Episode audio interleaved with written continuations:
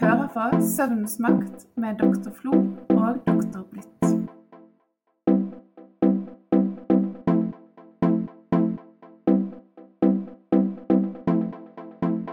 Du Elisabeth, av og til så er jo det sånn at vi er søvndeprivert, eh, og du gjerne har det innimellom, eller du kan ha det litt over noen dager. Hva gjør du, eller hvordan merker du at dette påvirker deg? Åh, vet du hva, det er egentlig litt morsomt.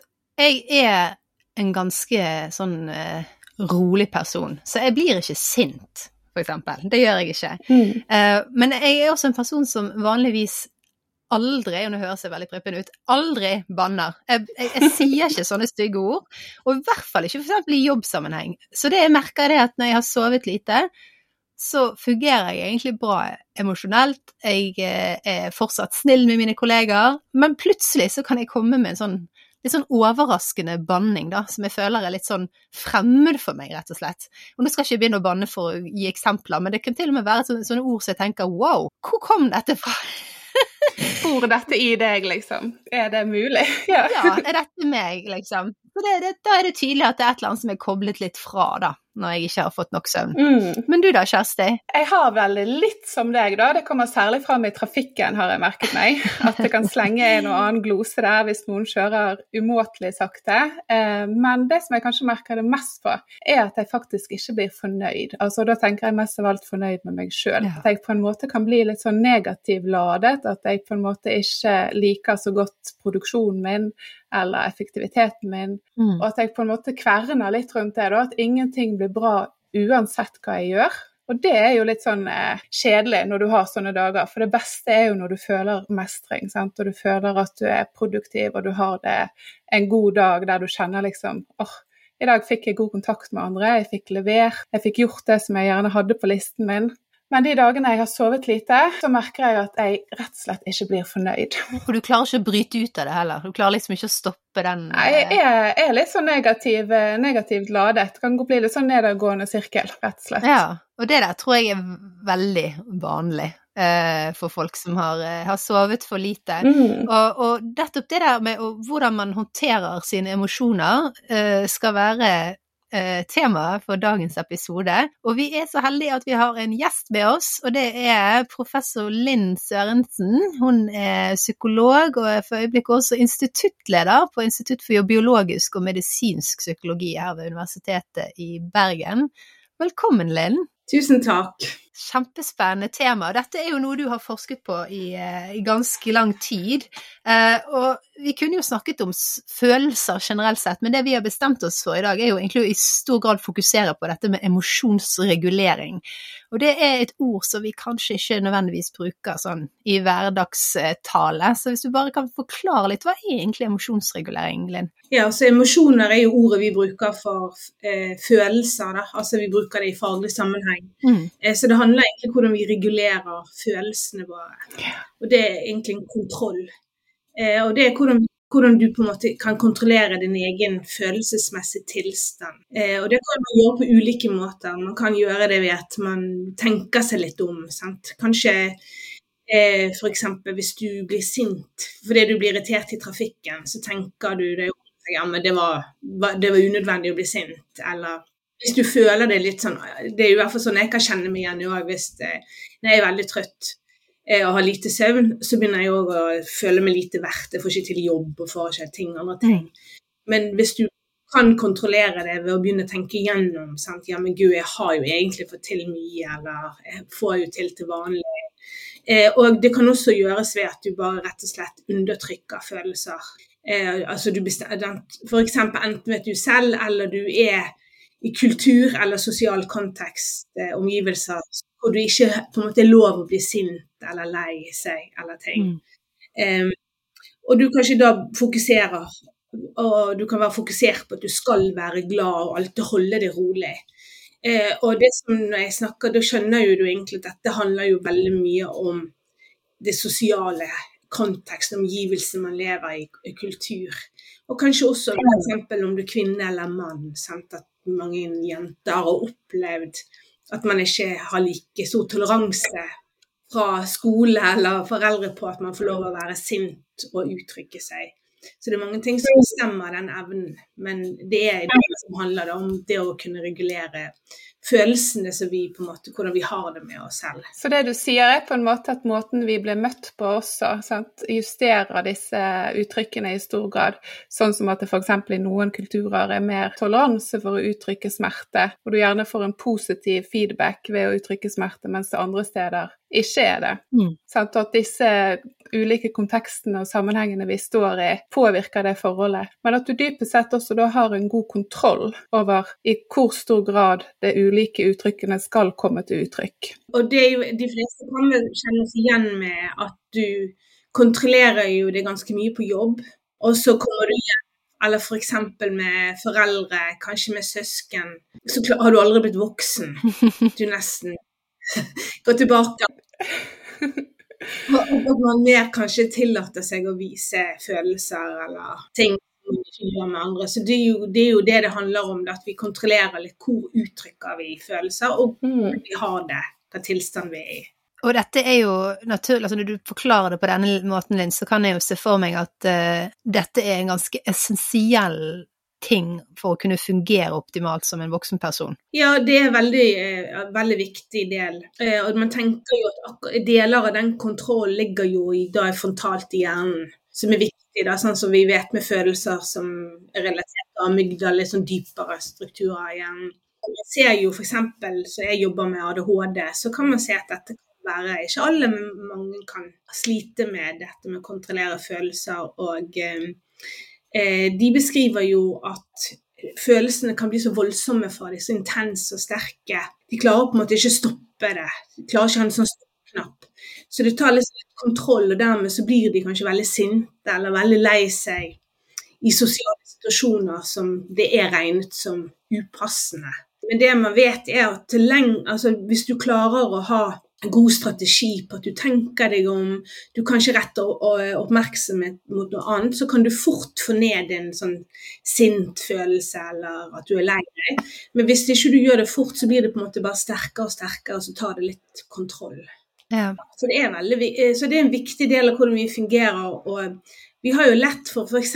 med ADHD å tenke at det at de har vansker med eh, konsentrasjon, med å sitte i ro og impulsivitet, at det er det som, eh, det som gir de store vanskene. Men faktum mm. er jo at dette med å kunne ha litt sånn kontroll på følelsene, hvordan man uttrykker det og hvordan man har det, det har jo veldig stor betydning for hvordan vi fungerer sosialt. Ja. Og kan egentlig være egentlig den stør, største funksjonssvikten man på en måte kan oppleve hvis man blir for intenst. For da vil man gjerne ikke klare å holde på venner, man blir litt for mye for andre.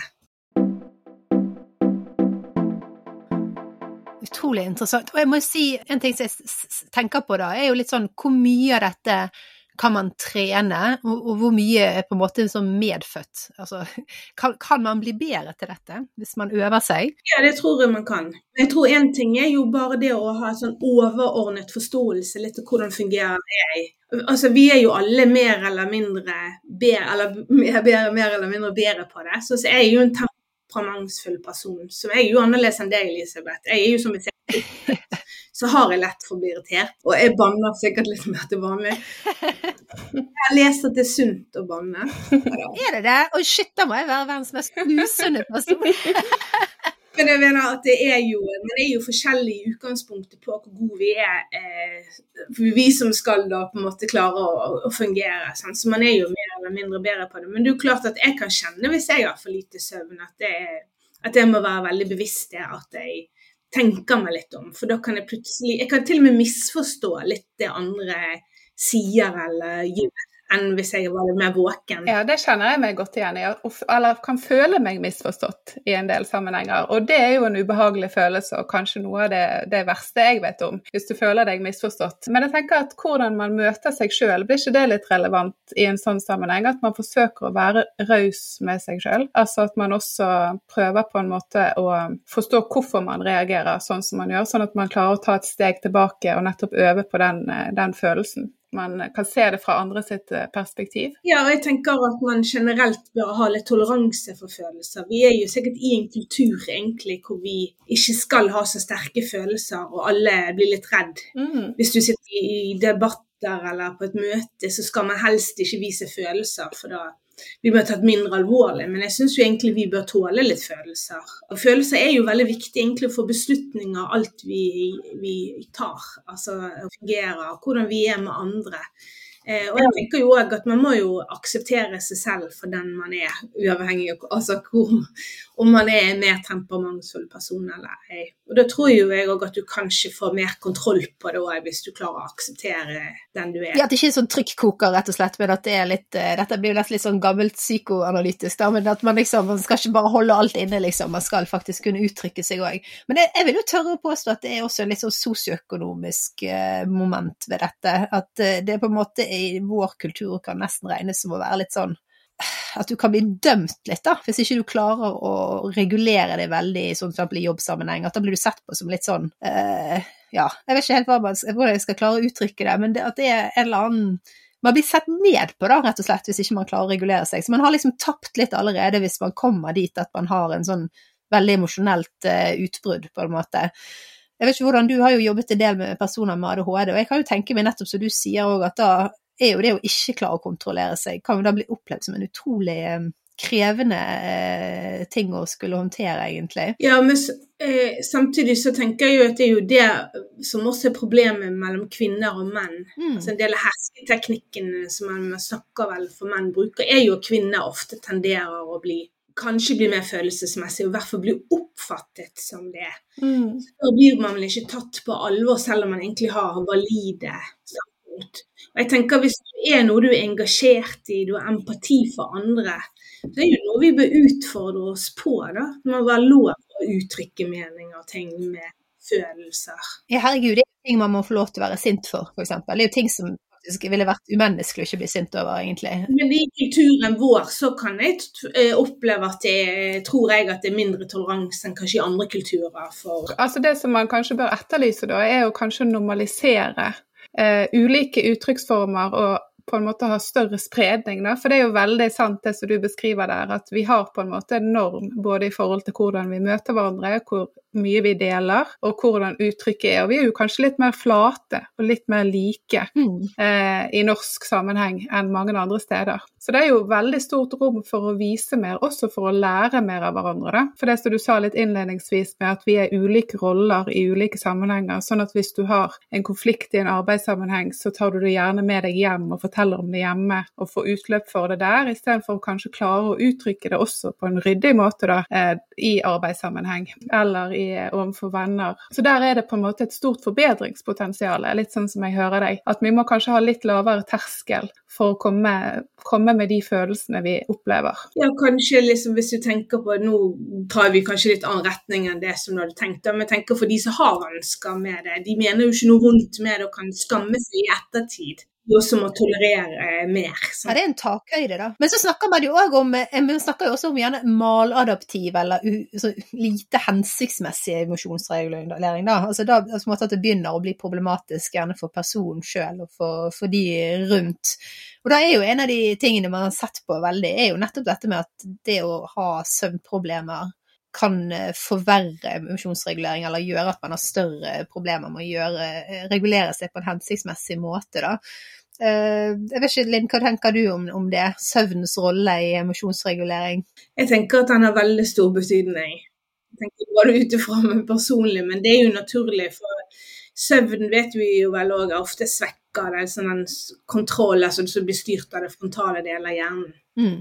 Så det påvirker jo ikke bare følelser, men det påvirker jo egentlig all type og konsentrasjon, hvordan du får med deg ting, hvordan du oppfatter ting. Og det er da lettere iverksetter på en måte, altså følelsene får ta litt overhånd. Kanskje denne der, du mister litt den evnen til å tenke litt igjennom hva var dette noe jeg skulle reagere på, eller hva mente den andre personen egentlig sånn som jeg oppfatter Mm. Du tar ikke den ekstra på en måte tenkerunden, og kanskje gå fortere inn i en sånn følelse. Og så jeg sa, vi vet at ganske kort tid etter du har begynt å føle på noe, hvis ikke du stopper det, så øker det intensitet. Er ikke det litt sånn interessant? Altså Det betyr egentlig bare at da blir det vanskeligere og vanskeligere egentlig å da kontrollere den, da. Så det blir, eh, ja. Så de beste måtene å gjøre er det jo raskt. Og det har faktisk vist bare det å Hvis du, hvis du blir aktivert av noe, bare det å, å snu oppmerksomheten din, altså snu øyeblikket ditt til noe annet kan hjelpe. og roe. Og der kommer jo også søvn inn, for nettopp det der både å ha eh, si, kapasiteten til å kjenne igjen at her er noe, her er det noe jeg må regulere, her er det noe jeg må gjøre noe med, sant? og så kapasiteten til da agere raskt nok og klare å eventuelt kontrollere eller håndtere følelsene på en hensiktsmessig måte. Og så skulle ikke man da ha klart det, så er det da også i tillegg da eh, at det blir verre og verre jo lenger det går.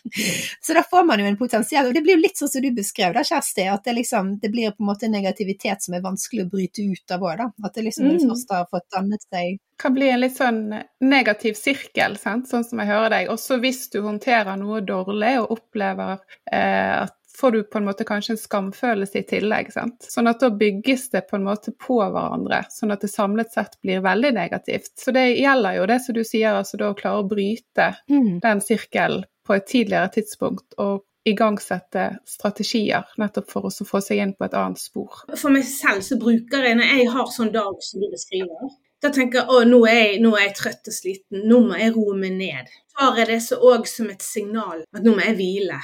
Nå, nå begynner det å gå for langt. Du kan jo òg tenke at istedenfor at du må gjøre noe med den følelsen, så kan du tenke at ok, nå trenger jeg faktisk søvn.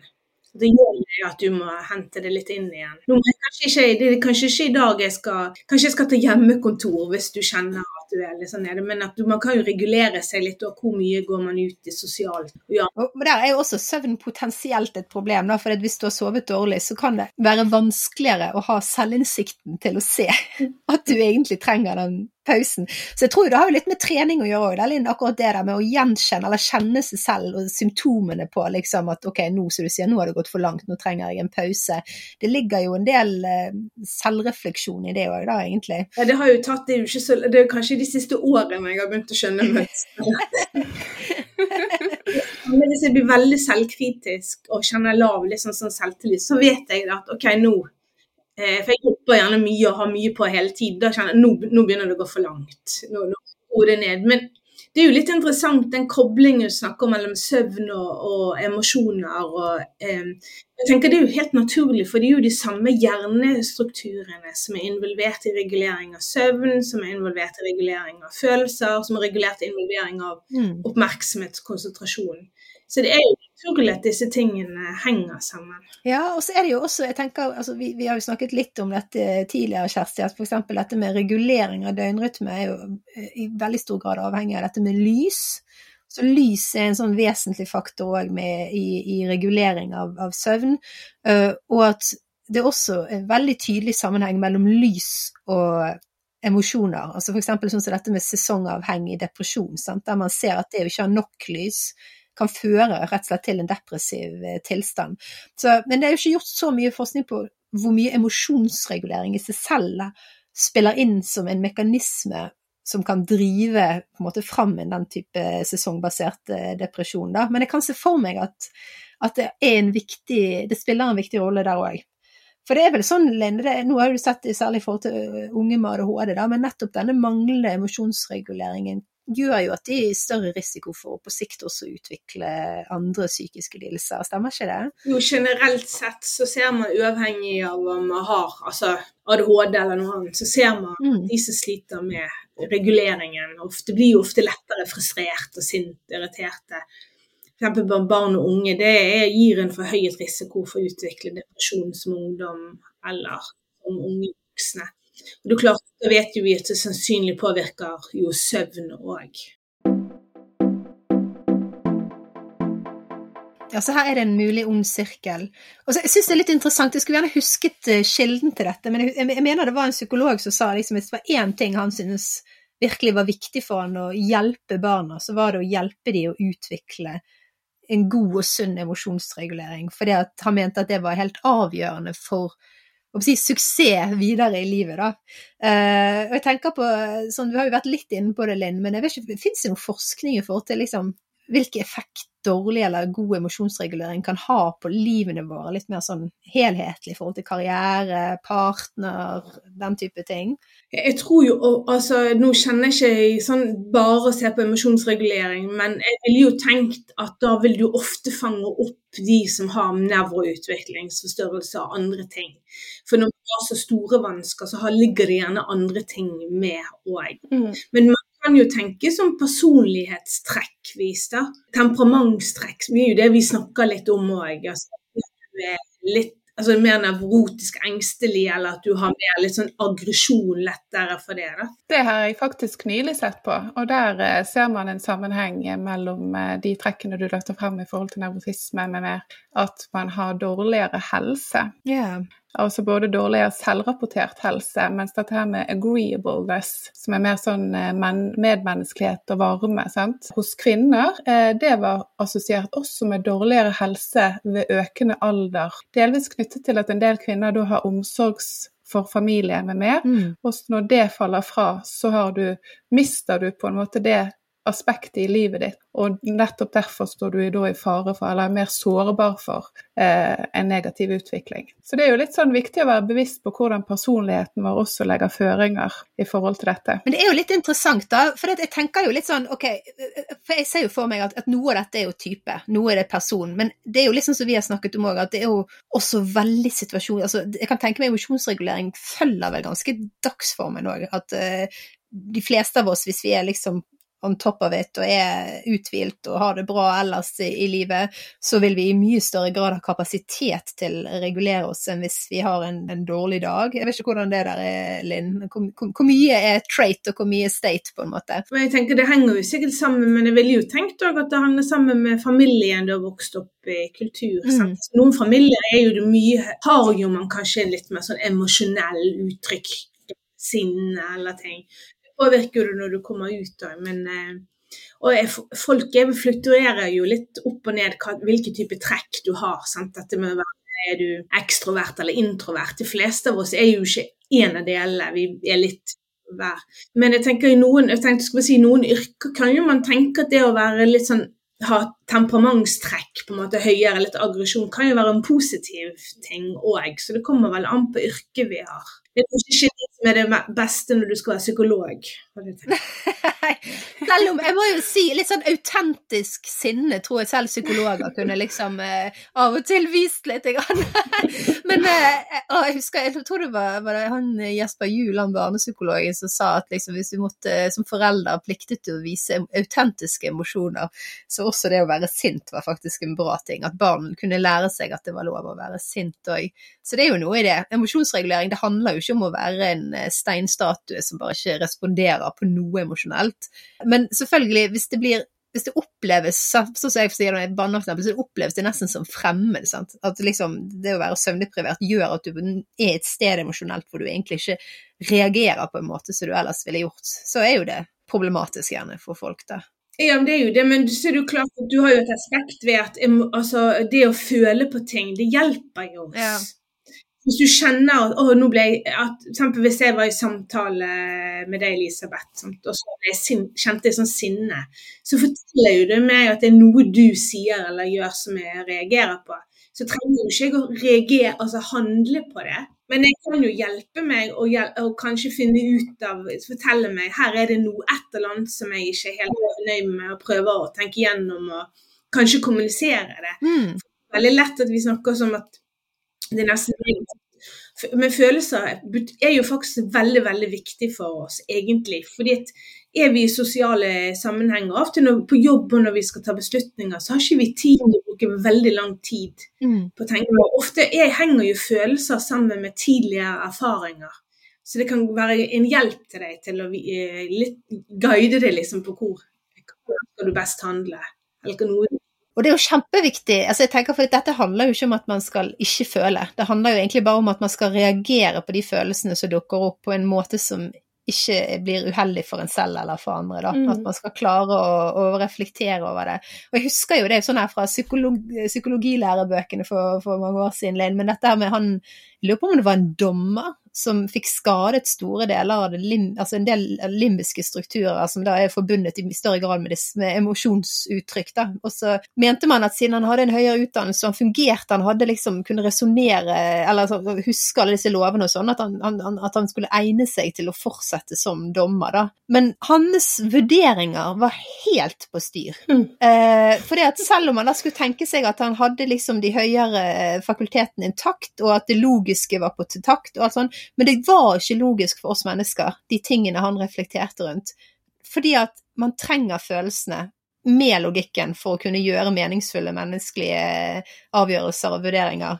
Så ja, så vi må ha med oss følelsene. Men igjen, da, når det kommer til dette med søvnmangel, så tenker jeg jo gjerne på at da er det jo nettopp ikke det å kjenne på følelsene som kan bli et problem, men nettopp det å agere på de på en måte som gjør at man enten kommer i trøbbel, eller at man eh, bare rett og slett bli litt sånn misfornøyd med hvordan man selv har håndtert noe, da. Gjerne på jobb eller, eller hjemme.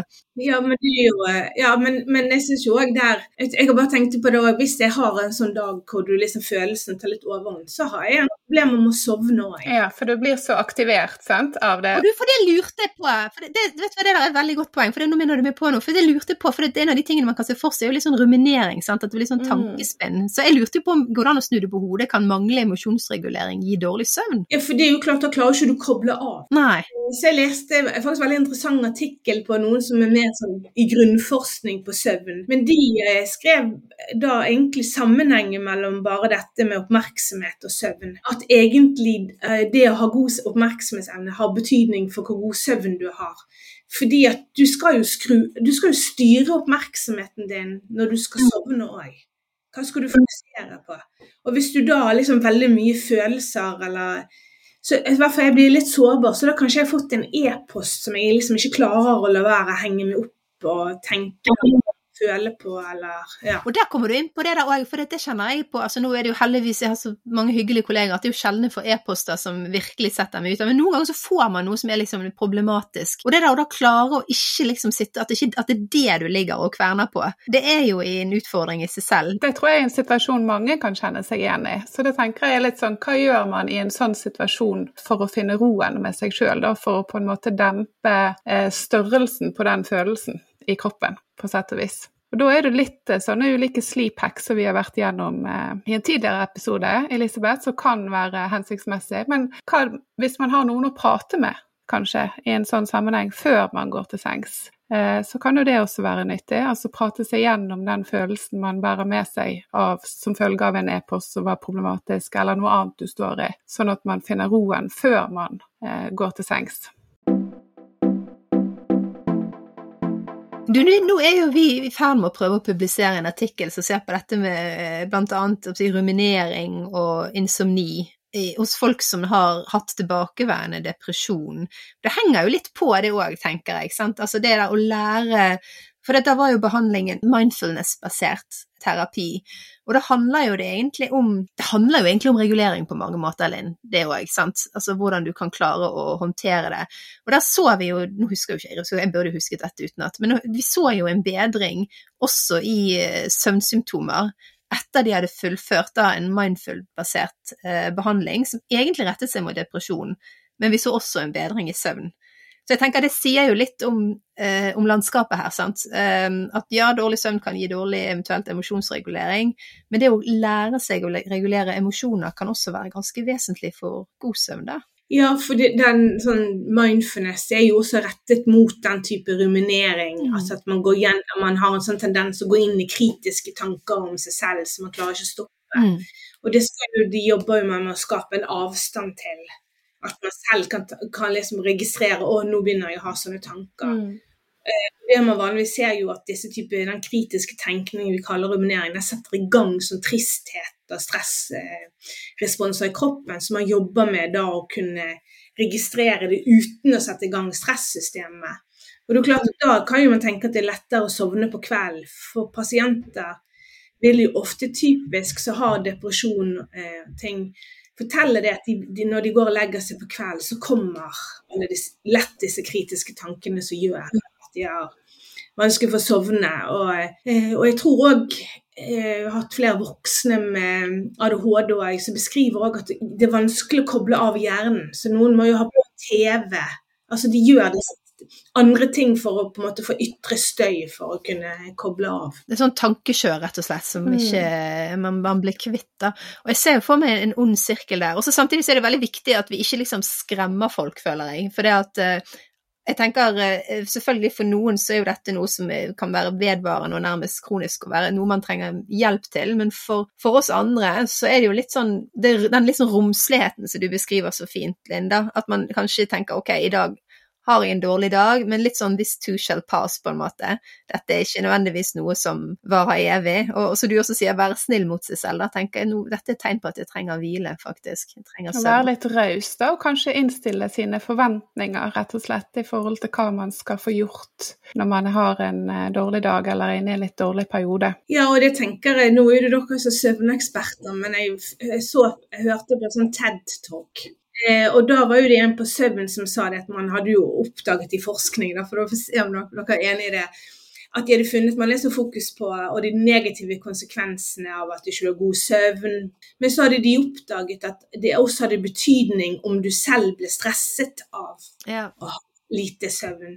Det å klare å holde roen, tenker jeg. La oss si du skulle lese en e-post, og du får sove dårlig, så kanskje du òg noen ganger må liksom godta at OK, jeg fikk sove dårlig i dag, men jeg må kanskje jobbe på lengre sikt med hvordan du gjør ting. Men hva tenker dere tilbake til dere om akkurat det aspektet? Altså, hva betydning har det om du selv blir redd for at ting er farlig? Eller? Det er jo det som er så tragisk, for jeg bare kommer på noen pasienter jeg selv har hatt i, i behandling for eh, insomni, og da er jo det på en måte De personene er jo ofte de mest pliktoppfyllende, litt sånn nervøse personene som da er så redd for disse konsekvensene, som de selvfølgelig har lest masse om, av å sove dårlig. Og det er jo det minst hensiktsmessige man kan gjøre, er jo å, å, å, å tenke og ligge og tenke liksom på oi, nå kommer jeg til å få kreft, og jeg kommer til å få dårlige tarmfunksjoner, og jeg kommer til å sant? Så denne rumineringen da rundt det å ikke få sove er også da veldig, veldig dumt. Så det, det, det å ha en litt sånn eh, tilbakelent eh, grunnholdning på at eh, ting kan være vanskelig, men ingenting er evig, på en måte, det tror jeg kan være ganske sunt. Det kan jo bli litt selvdestruktivt, egentlig, hvis du ikke evner å bryte det opp og kanskje ta, ta det litt som ja, det er dagen i dag. Eh, det kommer jo en ny dag, og det kommer en ny tid. Ja. Og det meste går jo over. Altså enten det er bra eller det er dårlig. Så går jo det meste over, egentlig. Sant? Prøve å ha litt sånne lave skuldre i forhold til det. Og kanskje da prøve å være litt uh, raus med seg sjøl, da. Men så er det jo òg litt sånn også i forhold til emosjonsregulering, da. Litt sånn når vi har vært inne på dette med, med, med e-poster og sånn. Og da har vi jo dette utsagnet at man må sove på det. Mm. Og det er jo kjempefint utsagn, tenker jeg. At du tar litt avstand fra noe som eh, på en måte aktiverer deg i veldig stor grad. Mm. Velger på en måte å kanskje la det ligge litt, og så ser du på det med nye øyne. Eh, gjør det over litt tid. Det er i hvert fall noe som funker godt for min del. Det man også kan gjøre, er å svare med en gang veldig sint, Mm. men aldri sende det. Det er god, god taktikk. Ja, ja, ja. Fantastisk. Jeg har altså hatt noen som det har vært spesielt, jeg tror jeg har skrevet tre-fire e-poster før jeg har sendt. Så må så hver gang, og Det handler jo òg om å regulere seg. sant? Altså, du, at du på, på en måte Jeg tar inn over meg at nå er jeg sint, men jeg skjønner ikke sende det før all sinne er helt vekk. Mm. Da en, en OK, ryddig mail. Ja, det der er jo dobbelt opp bra. Altså det der du får utløpet på en måte med å skrive det, men så samtidig så har du den kontrollen til å ikke trykke send, da. Det er jo litt det. Men det, det der er jo en eh, Bare det å klare da å stoppe og ikke trykke send, sant? det er jo igjen da med, med litt sånn dagsform, da. Hvis man virkelig er litt sånn uh, ustabil, og det kan være søvn, men det kan være andre ting som gjør det, så er kanskje denne terskelen for å trykke send litt lavere, da, selv om man egentlig burde latt være. Men er, du, altså er man på en måte i situasjoner eh, For det er jo klart at noen ganger så skal jo vi også vise Noen ganger har vi grunn for å være sint også på jobben. Mm. Men man kan Kollegaer, da. Det har jeg gjort. Sant? Kan du lese gjennom det, eller kan du høre Nå har jeg lyst til å gi beskjed eller si til. Kan du tenke, Hører du hva tenker du liksom Mm. Ja. Men, eh, nei, men jeg syns jo det, det, med søvn er jo veldig sentralt for emosjonsregulering. Og så syns jeg jo altså det der er eh, litt sånn, tenker hos kollegaer, men også ektefelle. sant? Jeg hadde en kollega av meg som sa at ektemannen var litt en sånn søppelbøtte for henne. Fordi at man hadde liksom den muligheten til å liksom være liksom sin verste selv overfor mm. noen. Eh, men så kan man samtidig da hente seg inn igjen før man da møter resten av verden. Så, men jeg syns det der å sove på det, det, det, det vil jeg absolutt si. Det, det, tror jeg fungerer, rett og slett. altså. Jeg syns det var et veldig godt poeng det der med å skrive umiddelbart også sine umiddelbare følelser. Og så kanskje, Vi var jo inne på litt innledningsvis at du ikke alltid skal moderere deg. sant? Så det er jo noe med det å få vite hvor tid du på en måte kan uttrykke det du opplever, og hvor tid det kan være lurt å ta et steg tilbake og føle seg litt fram i forhold til hvor, hvor skal listen ligge. Så det er jo egentlig en prosess og noe du må opparbeide deg erfaring med, tenker jeg, kanskje over tid. Og så syns jeg Linn det er veldig fint, for det er lett for å, å, å bli litt sånn uh, dømmende, som du sier, sant? hvis folk er uh, veldig sinte eller emosjonelle. Men det er jo da også å ha rom for at andre har emosjoner, det også er jo egentlig relatert til dagsform. For jeg kjenner jo selv at hvis jeg har sovet godt, så har jeg langt mer kapasitet til å romme eh, at andre har det vanskelig, eller at trenger eh, støtte, eller å klare å forstå da, den situasjonen de er i. Da.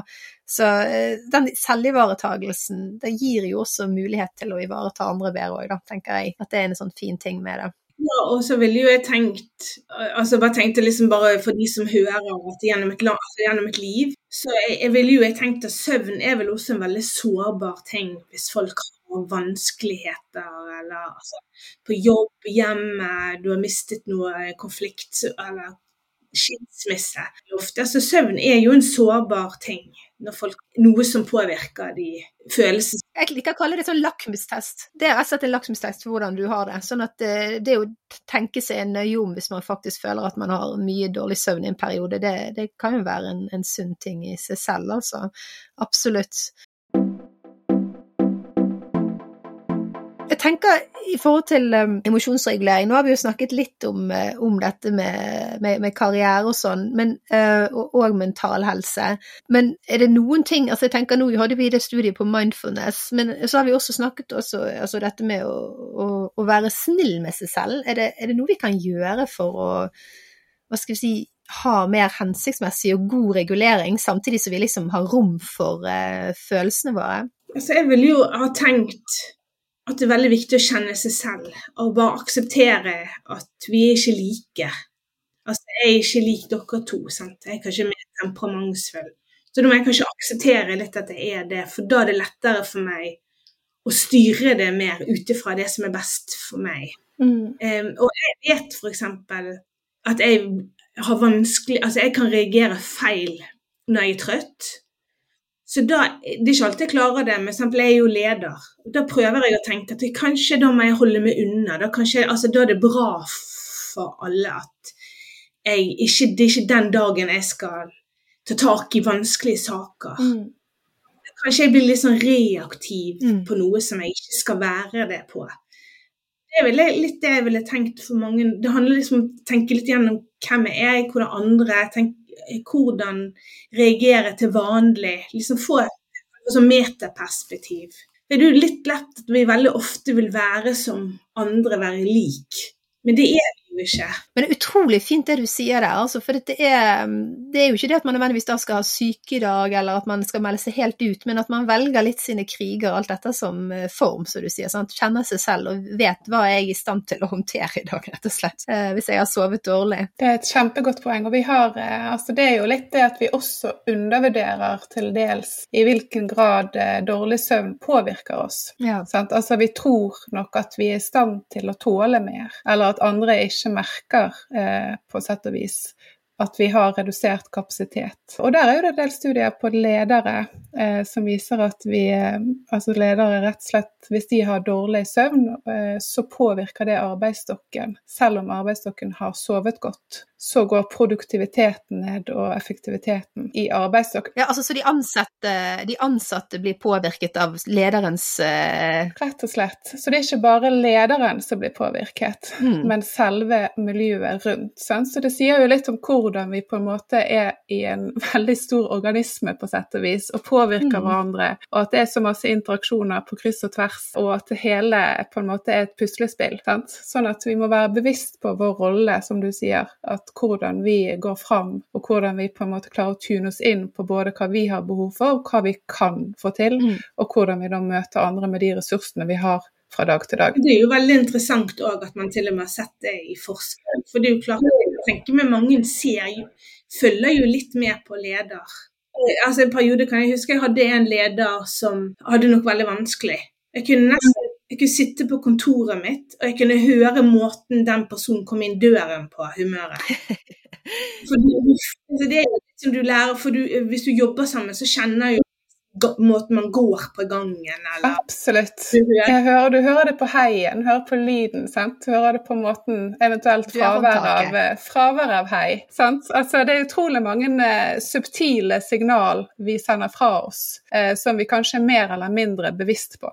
Og når vi er søvndeprivert, så blir vi nok mindre bevisst på uttrykket vårt. Ja, og det å ta seg en pause, da. En liten høneblund, eller eh, som du sier, holde avstand fra de mest krevende personalsakene, eh, kan være ganske hensiktsmessig å, å, å se, da. Eller si, å være flink å si unnskyld, hvis man kan det òg. Ja. Det er et veldig godt poeng. Og nettopp dermed så innbyr du også til raushet. Og så bør det være lov å si i dag har ikke jeg en så veldig god dag. Eh, jeg kommer nok sterkere tilbake, men nå har jeg det ikke så Jeg har sovet dårlig, jeg har masse tankegreier, men jeg skal gjøre mitt beste. Det går jo også an å være litt mer åpen på den måten. Jeg sliter jo med det, da. Ja. Altså, ikke være åpen, men altså sånn, være syk eller sånn, så er det liksom litt sånn åh, ja, det er jo også Men det er jo som du sier, det går jo faktisk an å si.